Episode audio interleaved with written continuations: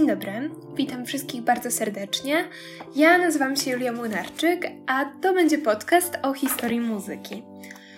I tak się właśnie składa, że w tym roku dane było mi skończyć szkołę muzyczną drugiego stopnia, a co za tym idzie, musiałam się przygotować do dyplomu z tego właśnie przedmiotu, jakim jest historia muzyki. I właśnie w momencie, w którym siedziałam zakopana pośród książek, e, robiąc wszystko, byle tylko się nie uczyć, przyszła mi do głowy taka myśl, że dobrym sposobem dla takiej osoby jak ja, to jest osoby, która większość informacji pochłania ze słuchu, będzie znalezienie jakiegoś podcastu, audycji czy też innego programu, z którego będę mogła wyciągnąć dosyć dużo informacji przedstawionych w merytoryczny sposób, które będą dotyczyć właśnie takiego zagadnienia, jakim jest historia muzyki. Niestety, internet zawiódł, co zdarza się dosyć rzadko, tak mi się wydaje, ale jak widać, wciąż się zdarza. No i takich e, materiałów nie znalazłam. Wiedzę posiadłam w taki czy inny sposób. Co więcej, podczas nauki okazało się, że historia muzyki potrafi być naprawdę fascynująca. I w tym momencie, kiedy jestem już po zdaniu wszystkich egzaminów, doszłam do wniosku, że szkoda by było, gdyby ta wiedza poszła w las. Także Jestem tutaj, żeby tą wiedzą się podzielić i mam nadzieję, że osoby, które w przyszłości będzie czekał podobny egzamin, albo być może po prostu zainteresuje je ten temat, zagoszczą tutaj na dłużej i będzie im się podobało to, co mam do przekazania. Myślę, że takim dobrym miejscem na zaczęcie naszej muzycznej opowieści po epokach, gatunkach, kompozytorach i formach będzie cywilizacja starożytnej Grecji. I myślę, że Grecja jest dobrym miejscem na zaczęcie, głównie dlatego, że jest pierwszą cywilizacją w historii pobytu człowieka na planecie Ziemia, która pozostawiła po sobie dość e, materiałów, artefaktów, żebyśmy mogli uzyskać jakiś e, bardziej pełny obraz tego, jak muzyka funkcjonowała w życiu człowieka. I tak na przykład Grecja jest też pierwszą cywilizacją, która pozostawiła po sobie jakieś traktaty teoretyczne na tematy muzyczne właśnie, dzięki czemu możemy uzyskać jakiś szerszy obraz Starożytna Grecja jest również, znaczy cywilizacja starożytnej Grecji jest również odpowiedzialna za ukucie takich terminów jak sama muzyka właśnie. I nazwa ta oznacza wielką sztukę, którą opiekowały się muzy. Co też pokazuje, że w życiu starożytnego Greka muzyka miała nie tylko znaczenie artystyczne, lecz także była ściśle związana z kultem i z mitologią. W Grecji powstały również inne terminy, e, które są dosyć kluczowe dla rozmawiania o dziele muzycznym i jest to na przykład melodia, rytm czy harmonia. Jeżeli chodzi o występowanie muzyki w mitologii, to mamy wspomniane już wcześniej dziewięć mus, które tradycyjnie e, uznaje się za patronki sztuki. Jednak jeżeli prześledzi się dokładnie zadanie każdej z nich, możemy zauważyć, że aż pięć jest w jakiś sposób powiązane z muzyką właśnie. I tak na przykład mamy Kaliopę, której imię możemy przetłumaczyć na pięknolicą i jest ona muzą pieśni bohaterskiej. Mamy również muzę Eutrepę, czyli radosną, która była patronką liryki, a przedstawiana jest grając na flecie. Mamy Terpsychorę, czyli kochającą taniec i z pozoru mogłoby się wydawać, że taniec z muzyką e, nie za wiele ma wspólnego, może oprócz tego, że do tańca potrzeba muzyki, jednakże terpsychora jest przedstawiana grając na lirze. Mamy również muzę Erato, czyli umiłowaną, która na cytrze wygrywa pieśni miłosne. No i w końcu mamy muzę Polihymnię, która jest patronką hymnów, a obecnie uznaje się, że jest po prostu patronką muzyki. Bogiem, który prowadził zwykle orszak dziewięciu mus, był Apollo. I tak Apollo jest uznawany w kulturze starożytnej Grecji, w mitologii, za boga muzyki, oprócz tego, że był jeszcze bogiem słońca, bogiem lekarzy czy bogiem e, wyroczni poetów. W mitologii greckiej dosyć sporo mitów zahacza o tematykę muzyczną. Mamy przecież mit e, nieszczęśliwej miłości Orfeusza, który wygrywając najpiękniejsze pieśni próbuje wyciągnąć swoją ukochaną Eurydykę z podziemia. I ta historia zresztą stała się przyczynkiem e, do wielu późniejszych oper i dzieł muzycznych e, w przyszłych epokach. Mamy też na przykład mit o pojedynku Marsjasza i Apollo. Marsjasz był śmiertelnikiem, który stwierdził, że jest w stanie równać się z Bogiem, jeżeli chodzi o grę na instrumentach. No i jak możemy się domyślić, starcie z Bogiem na pewno nie skończyło się dobrze i pycha śmiertelnika została w dosyć drastyczny sposób ukarana. Mianowicie Apollo rozkazał go oskurować, zerwać z niego skórę. Nie wiem. W każdym razie em, mity są otwarte na kwestie muzyczne. I oprócz takiej sfery kultu w życiu starożytnego Greka również ważne miejsce miała filozofia. Wszak Grecja jest miejscem rozwoju wielu pierwszych idei, wielu, wielu pierwszych koncepcji matematycznych i była domem dla wielu wybitnych myślicieli i umysłów, jakie znał wszechświat.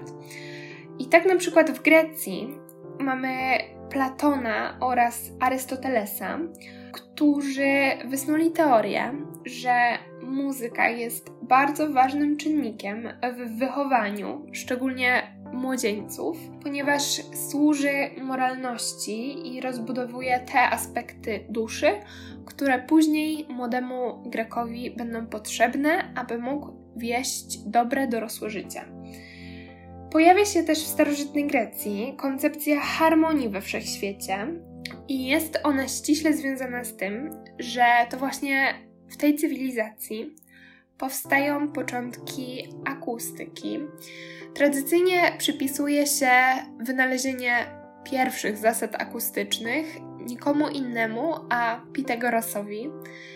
I tutaj właśnie okazuje się, że Pitagoras jest znany nie tylko z naszego twierdzenia o trójkątach prostokątnych, którego uczymy się w szkole, a właśnie także z początków akustyki. I w starożytnej Grecji do dokonań akustycznych doszło dzięki użyciu instrumentu zwanego monochordem. I ten instrument ma w zasadzie tylko jedną strunę. Chodziło głównie o to, że skracając strunę w odpowiednich miejscach, jesteśmy w stanie osiągać różne wysokości dźwięku. I tak na przykład, jeżeli skrócimy strunę na jednej drugiej jej długości otrzymamy dźwięk o oktawę wyższy. Jeżeli takiego skrócenia dokonamy w jednej trzeciej, wtedy zabrzmi dźwięk o kwintę wyższy.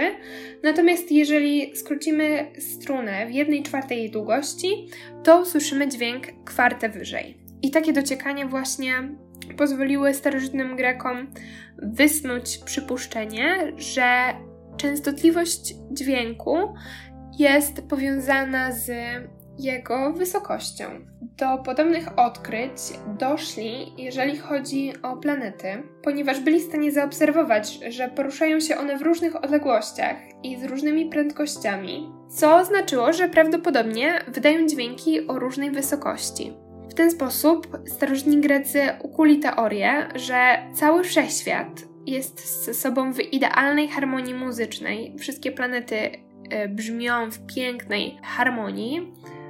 I tak na przykład stwierdzili, że pomiędzy Słońcem a Wenus wybrzmiewa interwał tercji małej. Jeżeli chodzi o bardziej teoretyczną stronę muzyki greckiej, już trochę odejdziemy od filozofii, od mitologii, to starożytni Grecy byli równie pomysłowi, jeżeli chodzi o zapis muzyczny, o notację. W tamtych czasach nie stosowano jeszcze systemu graficznego, jaki znamy dzisiaj. To jest, e, nie mieliśmy w ogóle do czynienia z nutami czy z pięciolinią.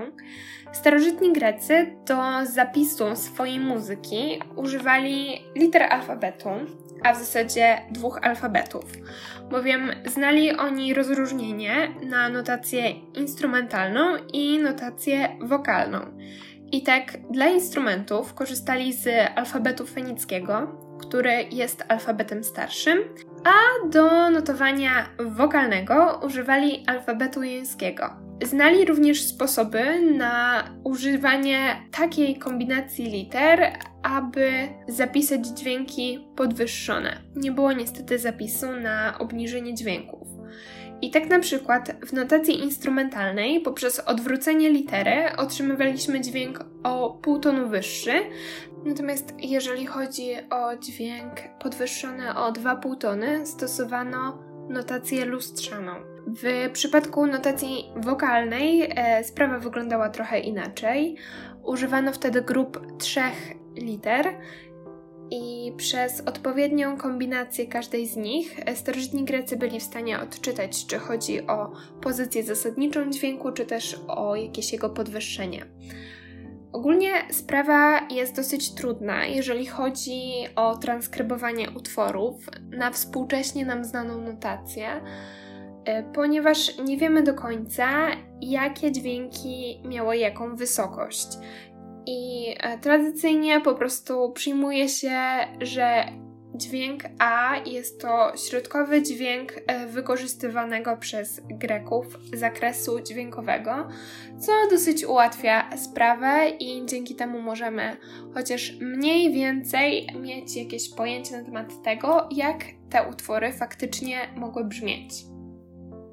Sytuacja z zapisem rytmu była chyba jeszcze bardziej skomplikowana niż e, z zapisem melodii, bowiem Grecy stosowali rytm wzorowany na układzie sylab w poezji. I tak na przykład mamy dwie takie jednostki: arzis, która była sylabą krótką, oraz tezis, która była sylabą długą. Odpowiedni układ tych sylab dawał nam stopę metryczną.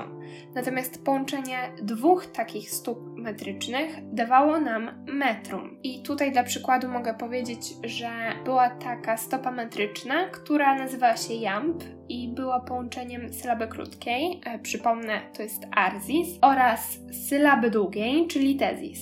Mamy też na przykład taką stopę metryczną, która nazywa się trochę i jest dokładnym odwróceniem jambu to jest najpierw mamy sylabę długą, później krótką. Tak by się w sumie sytuacja miała, jeżeli chodzi o zapis rytmu. I też ciekawa sytuacja jest, jeżeli chodzi o skalę stosowane przez starożytnych Greków, bowiem ich układ to jest e, z góry do dołu, jest zupełnie inny niż w późniejszych epokach. Później już stosowano układ skal od dołu do góry. I tak mamy skalę, których nazwy wywodzą się od plemion. Mamy skalę dorycką, frygijską, lidyjską. Z istnieniem tych skal łączy się również ściśle teoria etosu w muzyce, która była bardzo powszechna wśród starożytnych Greków. I głównie polegała ona na tym, że charakter melodii jest oparty na danej skali. I żeby uzyskać brzmienie zrównoważone, stosowano skalę dorycką, żeby melodia była bardziej namiętna, uczuciowa, miłosna. E, wtedy stosowano skalę frygijską, natomiast skala lidyjska przypadła najsmutniejszej emocji i głównie była skalą żałobną. Wśród starożytnych Greków, oprócz e, teorii etosu, panowało również przekonanie, że muzyka jest bardzo ściśle związana z katarzis. To określenie myślę, że większość kojarzy z nauki o teatrze greckim e, i to w sumie nie jest jakieś wielkie zaskoczenie, bowiem dla Greka muzyka w teatrze była równie ważna co sama fabuła. Ta muzyka również miała przynosić oczyszczenie, e, miała oczyszczać złe emocje i dawać swego rodzaju artystyczną ulgę widzowi. Jeżeli chodzi o nazewnictwo dźwięków, to myślę, że ciekawym będzie, że każdy z nich miał swoją własną, unikalną nazwę, która brała się od poszczególnych strun gitary. I teraz krótka wstawka, jak gitara brzmiała.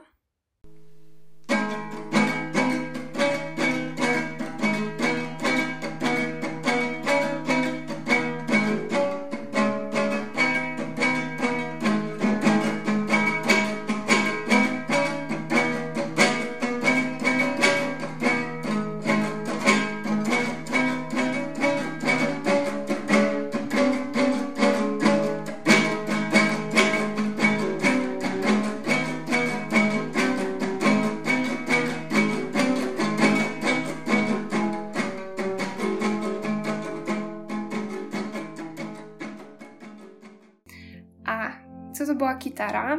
No więc był to jeden z najważniejszych instrumentów w starożytnej Grecji i podobnie wielką sławę miał być może tylko aulos, czyli dwie piszczałki, połączone ze sobą, na których można było wykonywać różnego rodzaju melodie muzyczne. Tutaj myślę, że warto dodać kolejną wstawkę, mianowicie to, jak brzmiał aulos.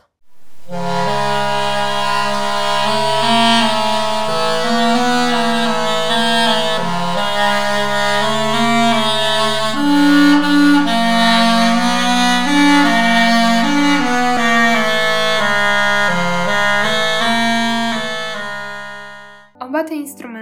Były bardzo ściśle związane z dyscypliną olimpijską, bowiem w tamtych czasach muzyka właśnie gra na instrumentach była traktowana na równi z innymi kategoriami sportowymi. I te kategorie nazywały się odpowiednio gitarystyka i aulestyka.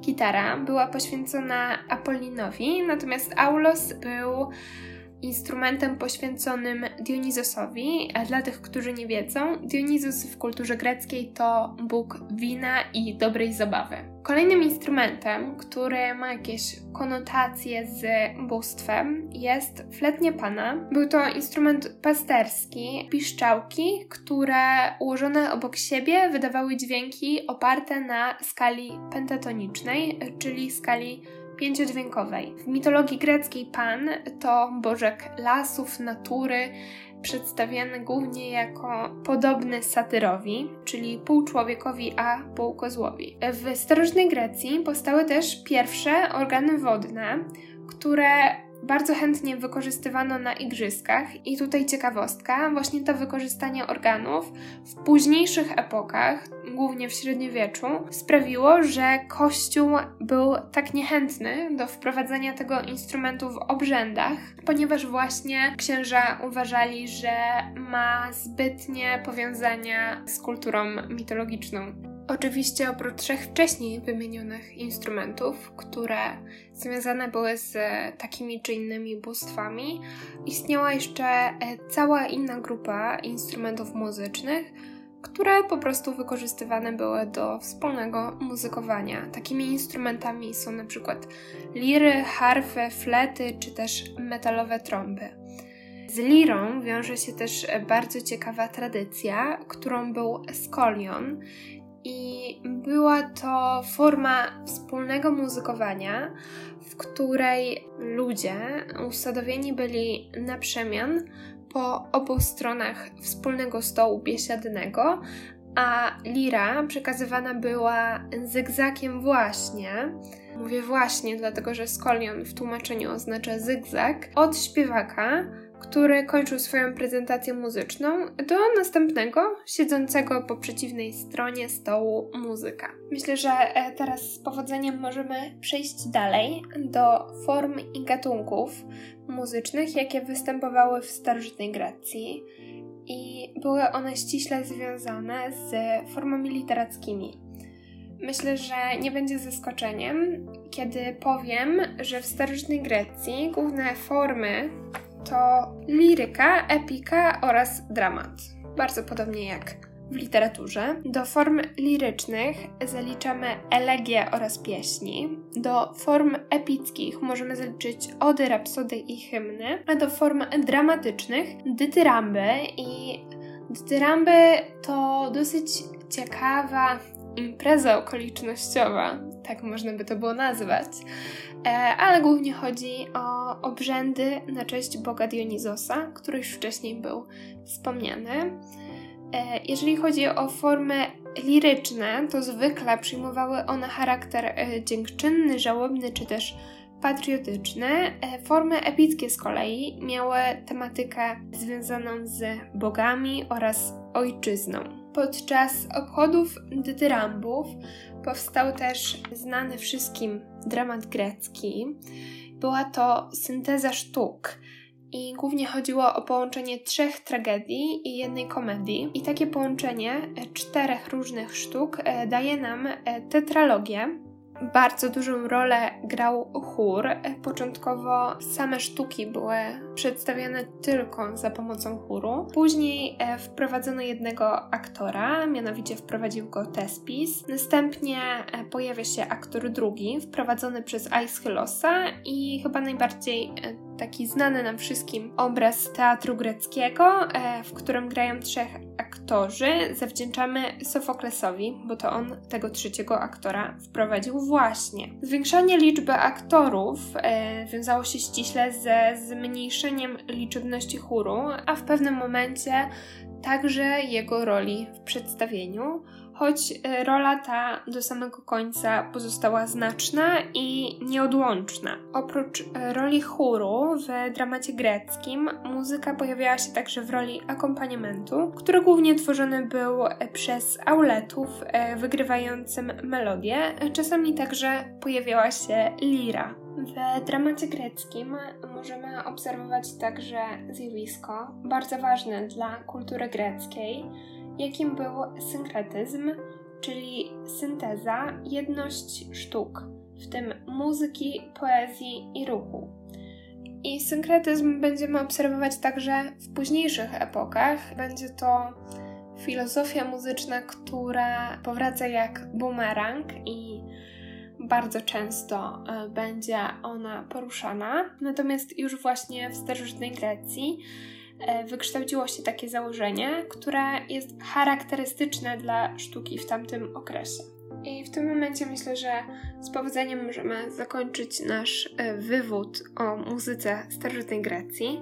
Mam nadzieję, że e, zaciekawiło to kogoś chociaż trochę, bo wydaje mi się, że właśnie muzyka jako taka forma mistyczna związana z mitologią jest dosyć interesującym zagadnieniem.